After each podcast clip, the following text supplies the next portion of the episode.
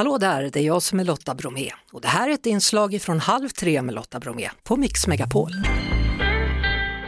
Hörrni, det handlar ju mycket om energi nu för tiden. Det handlar om solpaneler eller ska man elda eller hur ska man komma undan de här jättedyra elräkningarna? Man har olika idéer.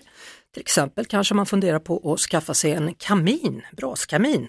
Lars Holmer han är VD och ägare grossisten då Kaminexperten Sverige AB. Välkommen till Halv tre Lars! Tack så mycket, skoj att vara med. Du har ju sålt kaminer över hela landet i 20 år. Vad skulle du säga om det här senaste året eller halvåret?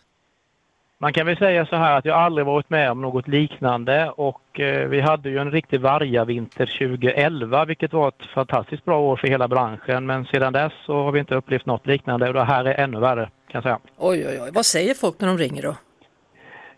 De, eh, normalt sett så frågar de lite allmänt om kaminer och de har hittat någon speciell modell de tycker är fin och de pratar lite pris och lite tekniska frågor och sånt här. Men idag handlar det bara om vad har vi hemma, när kan vi skicka?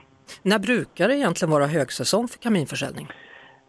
Jag vill påstå att det brukar dra igång ja, oktober, november, december beroende lite på väder ska jag säga. Det är väldigt väderberoende. Och, och när börjar Men i du? år, Ja, fortsätt. i år har det exploderat redan i, i augusti. Oj, oj, oj. Jaha, har ni något kvar nu då på lagret eller? Ja, nu är det rätt rent kan jag säga. Jaha. Det är rätt rent. Jag pr- pratade med fabriken idag, en av de fabriker vi jobbar med. Vi jobbar med ett tiotal olika leverantörer och jag sa jag köper allt du har, Mhm. bara producera. Och precis som på så mycket annat då så har priserna på kaminer också gått upp då. Ungefär hur mycket det senaste året? Ja, jag skulle nog gissa på att det är närmare 20 procent Och som, det, som, som, som det har gått upp. ja, och det beror inte då framförallt på elpriser då utan det handlar om annat? Ja, ja, indirekt kan man ju säga att det har med elpris att göra för vi jobbar med tillverkare som finns i Europa och eh, deras elpris är direkt beroende av gas. Mm. Och där har du en del då. Men sen har ju stålpriser gått upp, eh, komponenter har blivit dyrare, allt från gjutjärn till glas exempelvis. Då. Mm. Vad, Så vad ska, Allt det här. har spelat in ja.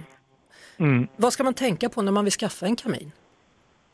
Alltså nu är det lite hysteriskt och många eh, köper ju det här för att de ska spara el och energi helt enkelt att komma, ja, få en lägre kostnad helt enkelt. Men man ska försöka vara lite mer långsiktig än så. Man, man ska ändå leva med den här produkten i ett antal år framåt. Man ska ju trivas med den. Ögat ska ju ha sitt också. Det är inte bara värme. Den står ju ändå där i vardagsrummet kanske och då ska, ju se, ska man ju trivas med produkten också. Mm. Och så ska man ha sotat i skorstenen också har jag hört.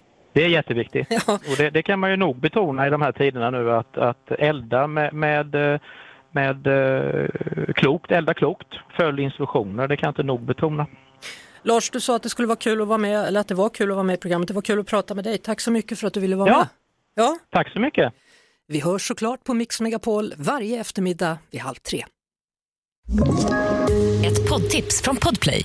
I podden Något Kaiko garanterar östgötarna Brutti och jag, Davva, dig en stor dos skratt.